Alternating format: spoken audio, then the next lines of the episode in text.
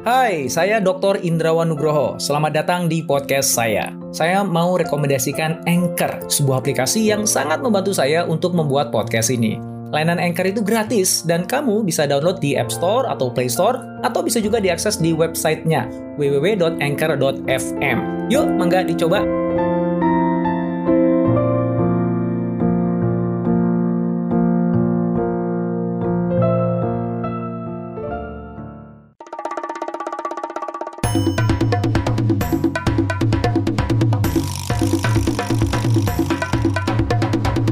Kini Podcast Network. Halo teman-teman semuanya, hari ini kita kedatangan tamu spesial Mas Muhammad Ismail, CEO dari Zahir. Dan hari ini kita akan bahas sesuatu yang unik banget nih. Karena kita akan ngebandingin antara startup zaman old Yes. sama startup zaman now. Nah,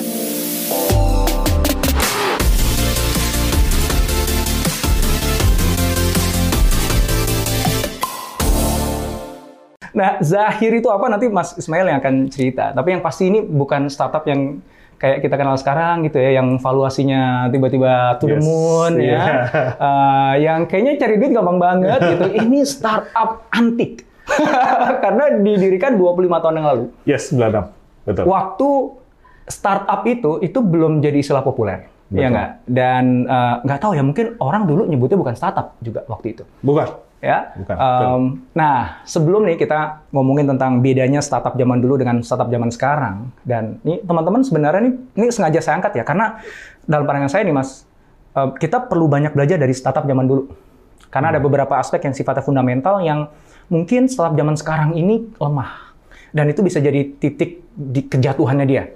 Ya, jadi walaupun ini startup zaman old nggak ada di sini, tapi ini justru tempat belajar kita nih. Ya. Old but gold ya. Eh, Old but gold, ya. Nah, sebelum ngomongin itu, Mas, cerita Yes. dulu dong tentang Zahir nih, karena mungkin teman-teman masih nggak tahu familiar tentang Zahir. Cepat aja, Oke. didirikan kapan, di mana, itu perusahaan apa? Oke, Zahir adalah tech company didiriin tahun 96 ketika zaman di mana saat itu nggak banyak perusahaan lokal bikin tech company. So kita develop sendiri produk. Saat itu kebanyakan aplikasi-aplikasi zaman desktop ya, zaman desktop artinya zaman Windows itu kebanyakan semua dari luar, khususnya aplikasi-aplikasi untuk bisnis. Dan saat itu kita adalah salah satu yang pioneer pertama kali untuk bikin bagaimana bisa bikin solusi sebuah tech, sebuah aplikasi software yang bisa dipakai sama jutaan UKM di Indonesia. Jadi berangkatnya saat itu seperti itu. Tapi itu di tahun 96 ketika Tahun ekosistemnya ya 96 mungkin startup founder yang zaman sekarang belum lahir juga. Ya, saat itu ekosistemnya belum seperti sekarang. Eh, tentu ada begitu banyak challenge, banyak eh, keseruan-keseruannya tersendiri dan tapi alhamdulillah eh, kita bisa survive dan masih ongoing sampai sekarang. So sekarang kita masuk di tahun ke-26 tahun jadi udah 25 tahun lewat dan ya alhamdulillah kita melewati beberapa fase dan kita juga beruntung karena kita belajar banyak. Oke. Bagaimana jalanin tech startup zaman dulu sampai ke zaman sekarang. mana? Eh, tadi kan bilang eh, tech company, tapi tepatnya software Yes. company ya sebenarnya. Itu aplikasinya di bidang? Oke, aplikasinya di bidang bisnis manajemen sebenarnya kita berangkat awalnya pertama kali sebagai software accounting. Awalnya pertama kali. Oke. Kenapa pertama kali kita bikin software accounting? Jadi founder Zahir pertama kali saat itu mahasiswa ITB. Pak Fadil waktu itu mahasiswa ITB, bisnisnya advertising. Jadi masih kuliah, dapat eh, pinjaman dana, terus karena dapat pinjaman dana, lalu setiap bulan harus bikin laporan keuangan. Hmm. Oke, harus bikin laporan keuangan dan sebagai founder, sebagai business owner waktu itu berpikir, masa sih nggak ada tools yang bisa bantu gue untuk bisa tumbuh? Hmm. Masa nggak ada software yang bisa bantu gue untuk ngerti gimana kondisi perusahaan gue dan membantu gue ngambil keputusan? Hmm. Saat itu cari-cari cari-cari ternyata nggak ada yang fit dengan kebutuhan UKM saat itu. Akhirnya eh, karena Pak Fadil sendiri sebagai founder bisa coding, akhirnya start dari situ. Oh, dia sendiri yang nge-coding Yes, gitu? mahasiswa Wow, oke. fisika, belajar accounting, beli buku-buku yang sebanyak ini gitu ya, semua isinya finance and accounting. Dan dari situ software Zahir versi 1 pertama kali ada lahir di tahun Wow. 96. 96. Yes. Saya ingat banget tuh, eh, saya kan pengguna Zair juga ya. Oh, yang oke. yang dulu beli box-box gede gitu kan. Iya, betul. Ya boxnya gede, begitu dibuka mah kecil doang cuma segini Ini, doang. betul. Terus ya harus ah, pakai dongle Betul. dan sebagainya gitu. Oke, eh, teman-teman udah kebayang ya. Jadi Iya. ini startup software, jadi ya kayak yang ada sekarang. Yes. Cuman bedanya em, kalau sekarang mungkin teman-teman tinggal langsung download gitu. Iya, Kalau betul. kalau dulu kan masih harus pakai kepingan CD ya, awal Betul. kepingan CD. Benar. Disket nggak sih? Enggak ya? Langsung CD ya waktu itu? Kita CD. langsung CD, Langsung terus CD. ada dongle-nya, gitu lah, rada ribet lah. Iya. Oke, langsung ke ke topiknya mas ya. Ini Nah. karena teman-teman, aku yakin yang khususnya nih bagi teman-teman sekarang nih anak-anak muda nih yang lagi pengen bangun startup gitu ya. Apa sih yang kita bisa pelajari dari startup zaman old nih, ya, Hmm. yang sudah makan asam garam gitu, yang dulu nggak kenal valuasi. Yes. Bahkan investor tuh juga kayaknya jauh ya, kita masih nabung gitu ya mas ya, dari satu celengan ke celengan yang lain Benar. gitu ya. Kalau dengar kata satu juta dolar tuh kayaknya udah wow, apalagi satu miliar dolar. Jauh. Banyak. Oke, so langsung aja nih. Ya. Um, dalam pandangan Mas nih, sebagai pelaku startup zaman old, ngelihat startup zaman now tuh kayak gimana? Oke. Sebenarnya kalau kita lihat startup yang lahir di era seperti sekarang, mereka mendapat keuntungan, mendapat kemudahan yang begitu banyak dibanding era ketika startup belum hype seperti sekarang. Ketika startup namanya bukan startup gitu ya. Nah, itu yang ada yang lahir startup yang yang lahir hari ini, mereka punya kemudahan di segala aspek. Ya. Kalau kemudahan pertama, mereka bisa melakukan riset dengan lebih mudah. Internet penetrasinya sudah luar biasa. Terus model bisnisnya juga berkembang, nggak kayak zaman dulu. Kalau dulu pilihan bisnis modelnya nggak banyak. Karena kenapa pilihan bisnis modelnya nggak banyak? Juga karena teknologinya terbatas. Jadi belum memungkinkan perkembangan bisnis model macam-macam. Oke. Lalu akses terhadap market sekarang lebih mudah karena semuanya internet internet based. Waktu kita mulai waktu itu, bayangin kita waktu mulai saat itu harus bikin pameran, bikin booth, ikut stand, ya kan? Yang saat ini sebenarnya ya muncul di YouTube, muncul di Google Ads, mikirannya SEO, punya website keren, gimana caranya orang datang, itu udah cukup. Nah saat itu belum era itu. Jadi bisa bayangin kita perusahaan teknologi, tapi harus menjual, mengakuisisi market dengan pendekatan non-tech. Mhm. Kebayang kan? Jadi waktu kita develop uh, aplikasi ya kita era itu udah internet udah mulai kan. Kita udah mulai oh cari dari luar toolsnya apa aja, melakukan benchmarking. Tapi waktu, waktu melakukan penetrasi ke market, pendekatannya tidak seperti pendekatan teman-teman startup yang dilakukan sekarang. Oke. Dan yang terakhir yang berbeda banget adalah akses terhadap pendanaan. Oke. Saat itu orang nggak percaya sama tech company sebenarnya. Apalagi tahun 2000 ada dot-com bubble Ya, ya, ya, betul. ya, betul. itu jadi isu. Nah, saat itu nggak ada yang percaya. Bahkan ketika kita awal-awal merintis Zahir, even pemain lokal, ketika kita datang, ini apa? Hah, anak Indonesia? Nggak mungkin. gitu. Bahkan ada case menarik ketika ketika kita mencoba me- melakukan penetrasi ke negara-negara tetangga waktu itu, ada yang nyakitin banget. Dia bilang, ah, nggak mungkin lah, masa biasa ngirim TKI bisa bikin software? It doesn't make sense gitu buat mereka. Oke. Ya. Saat itu memang karena terbatas, tech itu kayak sesuatu yang wah keren banget, software itu kayak sesuatu yang mahal banget, hanya bisa dibuat oleh orang-orang yang wah genius banget, pinter banget, punya uang banyak, baru bisa bikin. Kalau nggak nggak mungkin. Nah sehingga itu challenge waktu itu, tapi alhamdulillah karena ya tadi karena kesulitan itu saat itu maka model pemikiran kita nggak instan. Oke. Oke. Kalau sekarang karena relatif semuanya relatif lebih mudah. Saya nggak bilang sekarang nggak ada kesulitan, Iya. ada kesulitan, tapi cara berpikirnya itu eh, tidak instan dulu. Karena kita tahu semuanya butuh proses, cari modal nggak gampang, mau yakinin market susah, ya kan? Ini apa? Ada yang kerja ditanya sama orang tuanya, kamu kerja di perusahaan apa? Software mah apa itu? Kan susah gitu kan? oke. Ada klien yang misalnya dijelasin, oh ya udah oke, begitu beli dia terimanya saat itu dia terimanya CD, hah? Loh, saya bayar 10 juta, dapatnya cuma CD gitu doang. Loh, ini saya bisa dapat di Mangga 2 zaman itu ya. Iya, iya, Jadi iya. zaman itu. Anak-anak sekarang mungkin nggak tahu ya, zaman itu di Mangga 2 tempatnya CD bajakan ya nggak? Loh, biasa beli CD harganya 20 ribu, 5 ribu, 10 ribu. Terus kamu jual ke saya ini 10 juta, kamu ini nipu apa enggak? Gitu. nah itu yang berbeda Iya, iya, iya, iya. eh, Coach Indra sama zaman sekarang saya. Oke, itu menarik kata-kata um, instan tadi. Yap. Ya, jadi pandangannya um, Mas Ismail ya, uh, startup zaman old itu bahwa startup sekarang itu lebih instan dalam banyak aspek tadi ya. eh, kenapa instan itu menjadi sesuatu yang yang membahayakan atau perlu dikhawatirkan Mas kalau dalam pandangan Mas? Oke, instan saya saya bilang selalu ada pro and cons lah ya. Hmm. Pro-nya instan yang membuat segalanya lebih cepat. Saya Hmm. bisa bikin company hari ini dan menuju uh, valuasi 10 juta dolar, 1 juta dolar dalam waktu yang relatif singkat. Hmm. Ya kan? Kenapa? Karena ekosistemnya semua ready. Yang jadi masalah adalah karena sekarang uh, teman-teman founder atau calon-calon founder terus dicekokin dengan informasi, wah udah ini founder ini kekayaannya sekian, oh ini kekayaan sekian, ini Hmm. Baru sekian, enam sekian. bulan, baru lahir, iya, dana, ada yang gitu 10 kan, dolar. iya, Wow. Hmm. ada yang loh, perusahaannya nggak pernah kedengeran, nggak pernah kelihatan, kadang-kadang aplikasinya dicari di Hmm. Google Play, di Play Store juga belum ada, tapi kok udah bisa dapat funding segini ya, valuasi segini ya, kok enak banget ya kerja kayak gini ya. Hmm. Akibatnya mendorong mereka bahwa berpikir, oke ini suatu yang bisa gue lakuin cepat dan ini gue bisa menciptakan kekayaan dengan cepat. Hmm. Nah, masalahnya di sini. Mereka berpikir bahwa ini bisa jadi kendaraan mereka untuk menciptakan kekayaan dengan cepat. Ketika dulu, nggak ada gambaran itu. Hmm. Gambarannya adalah bagaimana kita bisa bikin bisnis, kita bisa hidup dari bisnis ini, ya kan? Nggak ada terpikir kekayaan cepat tuh nggak ada zaman dulu ya.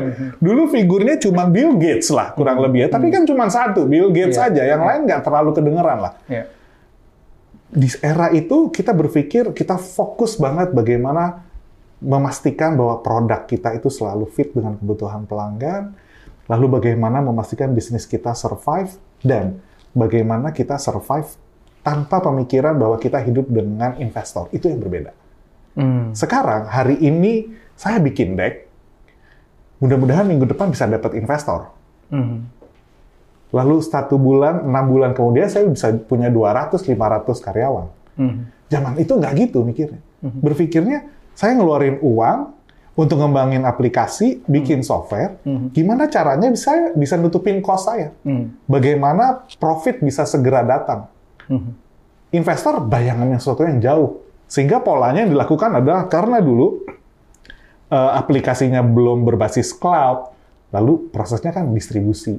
Jadi box-box itu Iya, secara iya. fisik kita distribusi. Apa yang dilakukan? Kita mengcopy model bisnis distribusi yang sudah ada saat itu. Hmm. Yang non teh, Non-tech. non digital, non dipakai untuk digital. dipakai untuk digital. Jadi kita ngelewatin fase di mana saat itu Zahir kita harus datengin begitu banyak retailer komputer di Mangga 2, di Point Square, di mana-mana untuk mereka menjadi distributor, menjadi reseller kita. Apa yang mereka pegang? Benar-benar literally produk box, box itu ada di tempatnya mereka, walaupun isinya CD. Kenapa boxnya gede? Mhm. Itu karena tadi alasan psikologis. Waktu mereka beli 10 juta dapat CD, orang surprise.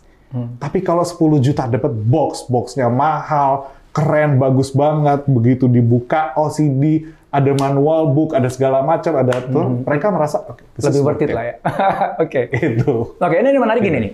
kan bisa jadi nih anak-anak muda nih yang sekarang nih lagi nyimak nih kan. Ya itu kan zaman dulu, Om. Aduh, aduh, Iya. Sa- sama kayak itu kan zaman papa dulu Ah. gitu kan kita kan suka ngomong sama anak kita kan dulu papa gua kan gitu kan cerita Beli masa lalu apa tuh gitu kan. tapi kan beda sekarang zaman Iya. nih jangan yang lagi nonton begitu nih nah maksud lu gini kan kalau tadi yang Mas Ismail cerita itu kayak eh, orang-orang yang zaman dulu tuh lebih lebih lebih tough gitu ya. Dia harus benar nyangkulin lebih keringetan dibandingkan sekarang yang tadi dikatakanlah serba instan gitu ya di mana kayaknya ekosistemnya udah ada deh. Mudah banget ya untuk mengakses kalau dia tahu caranya dan tahu jalurnya. Mudah banget ya mengakses investor ke mana-mana gitu. But is that true? Dalam pandangan Mas Ismail apakah memang anak-anak zaman sekarang nih yang ngebangun startup itu memang kalau misalnya dibandingkan dengan mereka yang memulai 25 tahun yang lalu apakah dari sisi mental memang tidak lebih kuat tidak lebih baik tidak lebih tough atau atau it's it's a different kind of mentality sebenarnya yang dibutuhkan Yes. Sebenarnya it's a different game. Saya nggak bilang bahwa anak-anak yang sekarang itu terus nggak tough. No. Mereka yang sukses-sukses, startupnya yang hebat-hebat, yang sekarang eh, jadi konsumsi kita hari-hari, itu semua mereka anak-anak yang luar biasa. Hebat-hebat. Founder-founder yang keren-keren banget. Cuman apa yang berbeda dengan dulu? Dulu itu fight ketika ekosistemnya nggak ada. So actually you are alone. nggak ada mau benchmarking ke siapa. Nggak ada inkubator. Nggak ada inkubator. Nyari buku panduan aja nggak ketemu ya cara Susah. ngebangun perusahaan startup. Ya kan? ya. Nggak ada gitu kan. Kita ngomong teknologi kayak sesuatu barang yang asing gitu. Iya. Sehingga challenge-nya berbeda. Mungkin Hmm. itu lebih tepat lah ya. Saya nggak bilang bahwa yang lebih dulu yang dulu tuh lebih tough enggak. Cuman Zahir dengan historinya kita ngelewatin masa yang berbeda dengan seperti sekarang. Hmm. Kita lahir saat itu di kondisi yang ekosistemnya nggak ready. Hmm. Nggak ada. Dan kita harus bertahan karena kita passionate di situ, karena kita yakin bahwa ini bisa menyelesaikan masalah, dan kita yakin bahwa ini akan menjadi masa depan. Hmm. Yang hari ini, yang mereka memulai, mereka memulai dengan ekosistem yang sudah ready, challenge-nya pasti berbeda. Kenapa? Kalau eko- ekosistemnya ready, saingannya pasti banyak.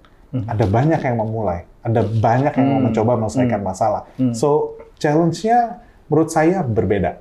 Oke. Ta- pasti sebagai mau jadi entrepreneur, mau jadi founder, pasti butuh eh, apa ya? Butuh kegigihan yang luar biasa sampai memastikan produk ini bisa diterima dan jalan. Nggak gampang lahir membuat produk yang tadinya nggak banyak orang percaya. Bahkan kadang-kadang kita sebagai founder, to be honest, setengah percaya setengah nggak. Iya nggak ya? Iya nggak ya? Kadang iya, kadang nggak. Ada lewatin masa-masa tertentu, wah iya ya, ini masa depan. Nanti tiba-tiba ada momen yang Waduh, enggak kayaknya ya. Dan itu harus kita harus bertahan di tengah eh, apa ya industri yang sebenarnya tidak mendukung tech company itu bisa Iya. besar di Indonesia saat itu.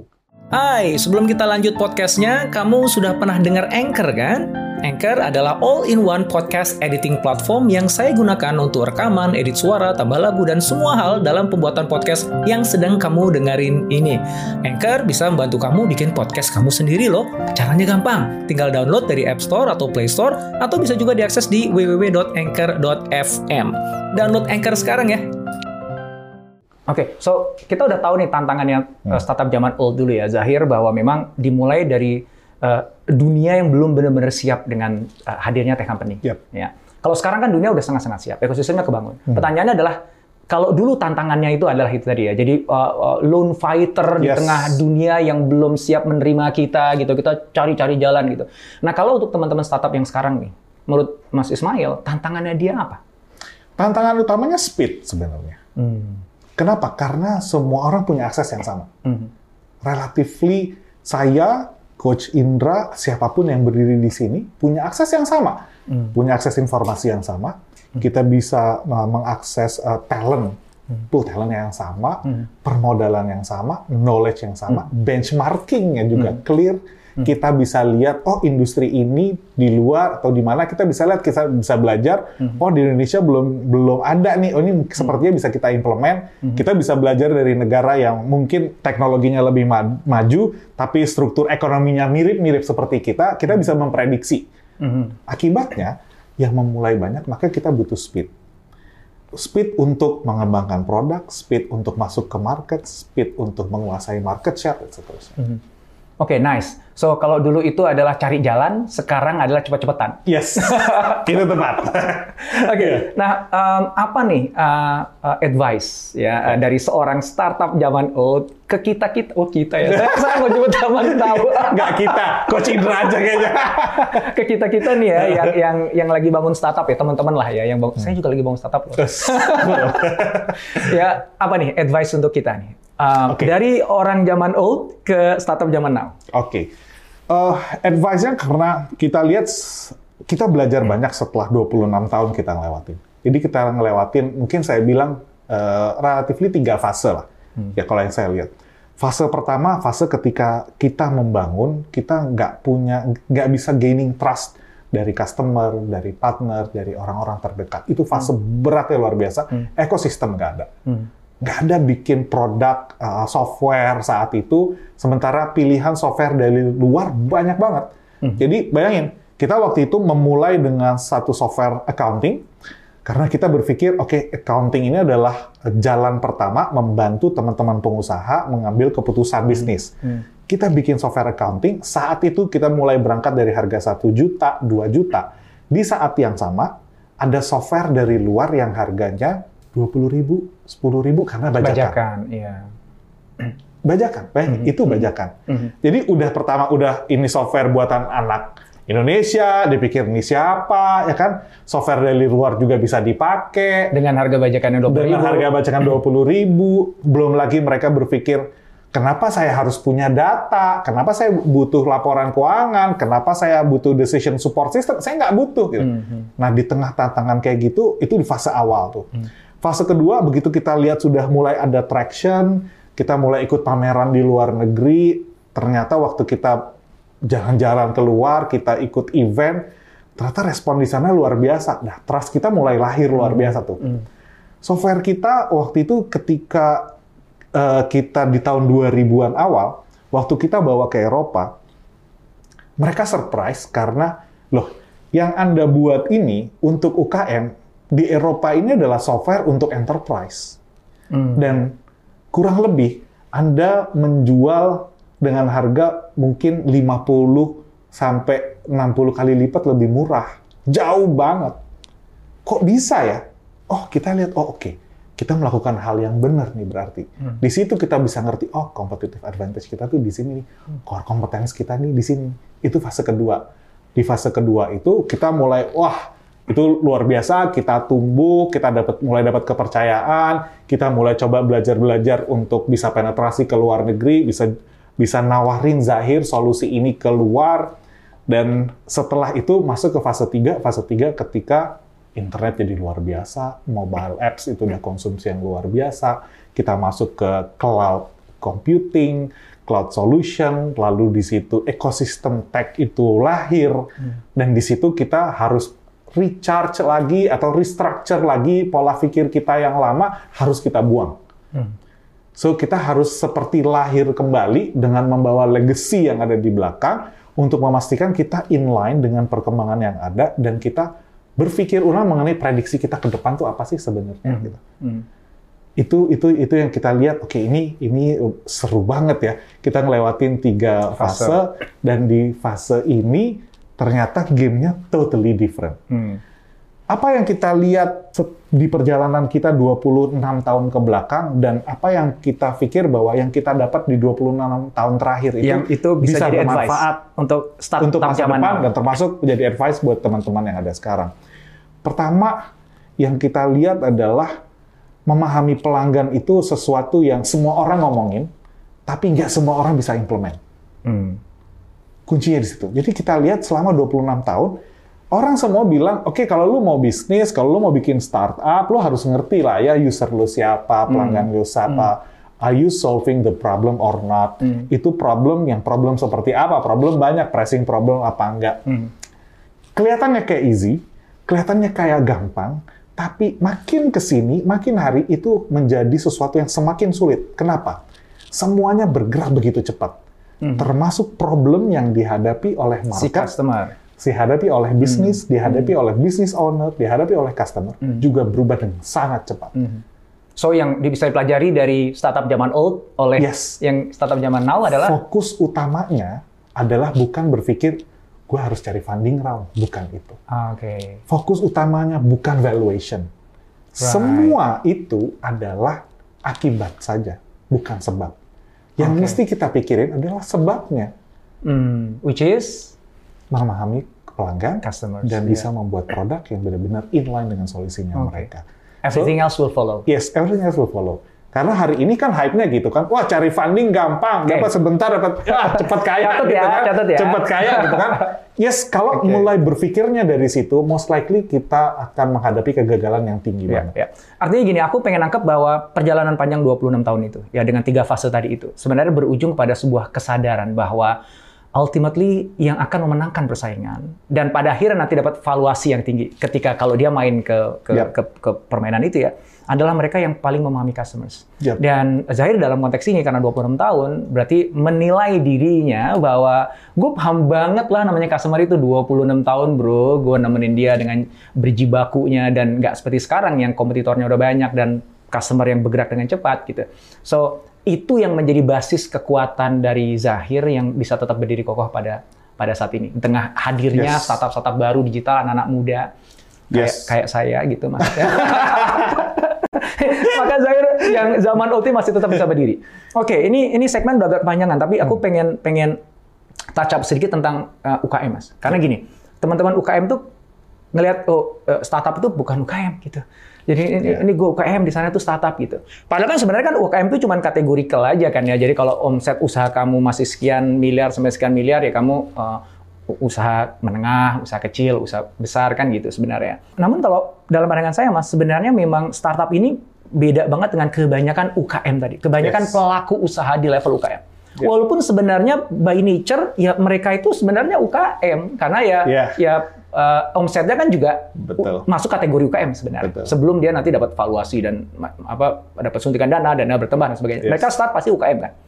Tapi banyak UKM yang tetap di UKM terus. Sementara ada UKM tapi kemudian dia melabeli diri dia startup, bergerak kayak startup dan akhirnya kemudian dia bisa bertumbuh, berkembang, grow sampai akhirnya dapat valuasi yang yang level unicorn gitu. Kalau dalam pandangan Mas gitu ya sebagai uh, pengusaha yang memang fokusnya bantuin teman-teman UKM. Bagaimana pandangan Mas tentang yang saya sampaikan tadi? Oke, jadi gini. Kalau kita ngomongin UKM, terus apa sih bedanya dengan kalau kita menyebut startup gitu ya? Saya ngelihat ada satu ruh yang berbeda ketika kita bilang bahwa kita startup. Dan buat teman-teman yang juga ngaku startup tapi ruhnya nggak seperti yang saya sebut ini, jangan-jangan nggak perlu- nggak perlu ngaku-ngaku startup lah ya. Jadi startup itu datang dengan kesadaran penuh bahwa mereka ingin melawan status quo. Nice. Oke. Kenapa sih saya harus pergi ke suatu tempat, pindah ke suatu tempat, harus pakai mobil sendiri? Emang nggak bisa pakai mobil orang ya? Kenapa ya saya nggak bisa? Saya mau naik ojek, tapi saya maunya harganya saya bisa kendalikan, saya bisa tahu. Masa nggak bisa? Kenapa ya saya? Kenapa ya saya harus pergi misalnya pindah ke kota lain? Saya kepengennya cuma dua jam, tapi saya mau nggak mau naik pesawat. Kenapa naik mobil harus isi bensin? Kenapa nggak listrik aja sih? Mhm. Mhm. Oke. Nah, ruh-ruhnya startup itu adalah melawan status quo. Dis- menghasilkan disrupsi di di market di Yes. industri gitu ya. Jadi spiritnya adalah itu. Hmm. Sementara kalau UKM spiritnya? UKM spiritnya adalah mereka sebenarnya mau bikin produk, dapetin uang, mereka bisa jadi follow the rules saja. Apa yang mereka orang lain lakukan, saya tambah yang sedikit, berbeda sedikit, incremental aja. Mhm. Mhm. Dan itu dampaknya apa? Jadi ketika UKM punya pikiran kayak gitu, nggak kayak si startup tadi itu dampaknya bagi UKM apa? Mereka nggak bisa besar luar biasa, Hmm. nggak mungkin. Hmm. Kalau mereka hanya ingin mengikuti apa yang sudah ada, artinya meng- mereka mengambil resiko yang tidak terlalu besar. Hmm. Karena resiko yang diambil tidak terlalu besar, maka hasilnya juga tidak akan luar biasa. Jadi kalau startup, resikonya besar, kegagalannya tinggi banget. Dari 10 mungkin yang berhasil satu. Hmm. Kalau kita invest di startup, mungkin dari 10 cuma dua yang berhasil. Nature-nya memang begitu. Kenapa? Karena mereka melawan status quo. Mereka merubah atau melawan dogma yang sudah ada. Yang kebanyakan orang percaya, dia berani berbeda. No, I have something better than anyone else. Oke. Pertanyaan terakhir. Kalau misalnya sekarang nih teman-teman yang di sini yang nyimak ini adalah pelaku UKM, ya eh, apa pun bisnisnya Yap. di, di fashion, di kuliner, gitu, di kria, yang itu menjadi majority ya 70% dari pelaku UKM kita kan di situ ya areanya. ya. Terus mereka pengen jadi startup nih. Apa yang harus mereka lakukan? Pertama, mereka harus berpikir berbeda. Mereka bisa jadi bergerak di market yang sama, tapi harus datang dengan solusi yang totally different. PR-nya di sini nih. Nah, datang dengan solusi yang berbeda bukan sesuatu yang mudah. Kenapa? Kita perlu ngerti ekosistem industrinya. Kita perlu ngerti bagaimana pelanggan sebenarnya sih menghadapi masalah. Gitu. Persisnya seperti apa. Saya punya case menarik. Ada satu ada satu company, dia datang, dia bilang, saya pengen nyelesain masalahnya si UKM. Apa yang dia lakukan ketika dia pengen memahami eh, masalahnya UKM? Dia datang, terus dia tanya-tanya, terus dia lihat gini, oh ini masalahnya, dia catat. Sambil dia interview. Kebayang nggak? Yang lagi jualan, terus sambil ditanya, nggak penting ya. Kira-kira jawabnya apa? Nggak salah. Dan akhirnya produknya fail. Hmm. Lalu diperbaiki caranya. Mereka datang ke UKM, mereka tinggal bilang gini, Pak, Bapak saya bantuin. Bantuin apa? Saya ngangkatin barang, saya nyatetin, pokoknya saya bantuin. Ketika dia ngeblend, masuk ke problem realnya si pelanggan, dia dapat insight yang luar biasa banyak. Dan dari situ dia bikin solusi yang benar-benar bisa memecahkan dan boom, produknya luar biasa. Right. Memahami pelanggan, semua orang sepakat lah. Kalau bisnisnya lo mau keren, ya Harus lo paham pelanggan. harus ngerti. Cuma ya kan? bener nggak lu paham pelanggan? Bener nggak? Gitu? jangan-jangan lu pakai asumsi aja. Nah, kebanyakan pakai asumsi, metodologi untuk memahami kebutuhan pelanggan yang kacau, Hmm. Oke. Hmm. asal, buru-buru. Kenapa buru-buru? Macam-macam. Ada yang Iya.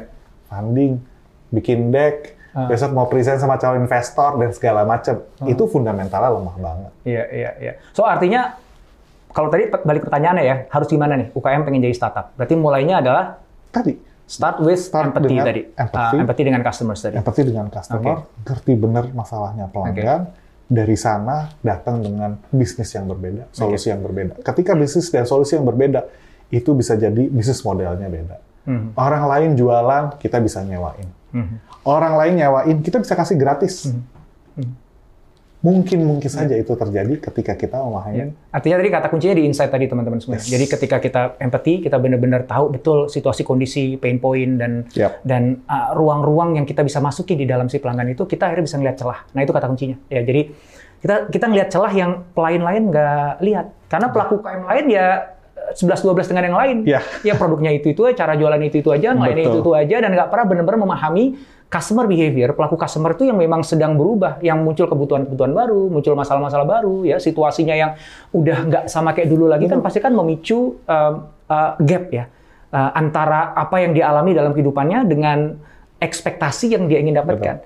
Dan mereka yang berani untuk masuk ke customers dan kemudian menggali itu, menemukan gap-gap itu, dan kemudian bereksperimentasi untuk coba deh gue buat begini deh, gitu. coba deh gini, coba Ya. deh gini, gitu. Dan nggak nggak berhasil di awal, ya akan lebih banyak gagalnya di awal. Tapi ultimately kalau kita terus lakukan itu, kita akan ketemu nih ada satu gap yang benar-benar kita bisa isi yes. dengan cara-cara yang tentu aja beda dengan yang selama ini teman-teman lakukan. Dan itu adalah jalan untuk menjadi startup. Ya, itu ruhnya startup. Keren banget. Ah, di kita waktunya udah lama banget. Thank you so much Mas uh, untuk you, waktunya. Uh, mudah-mudahan nih teman-teman bisa belajar banyak. Yang pasti saya belajar banyak dari Mas Ismail. Thank you so much. Thank you, sama-sama.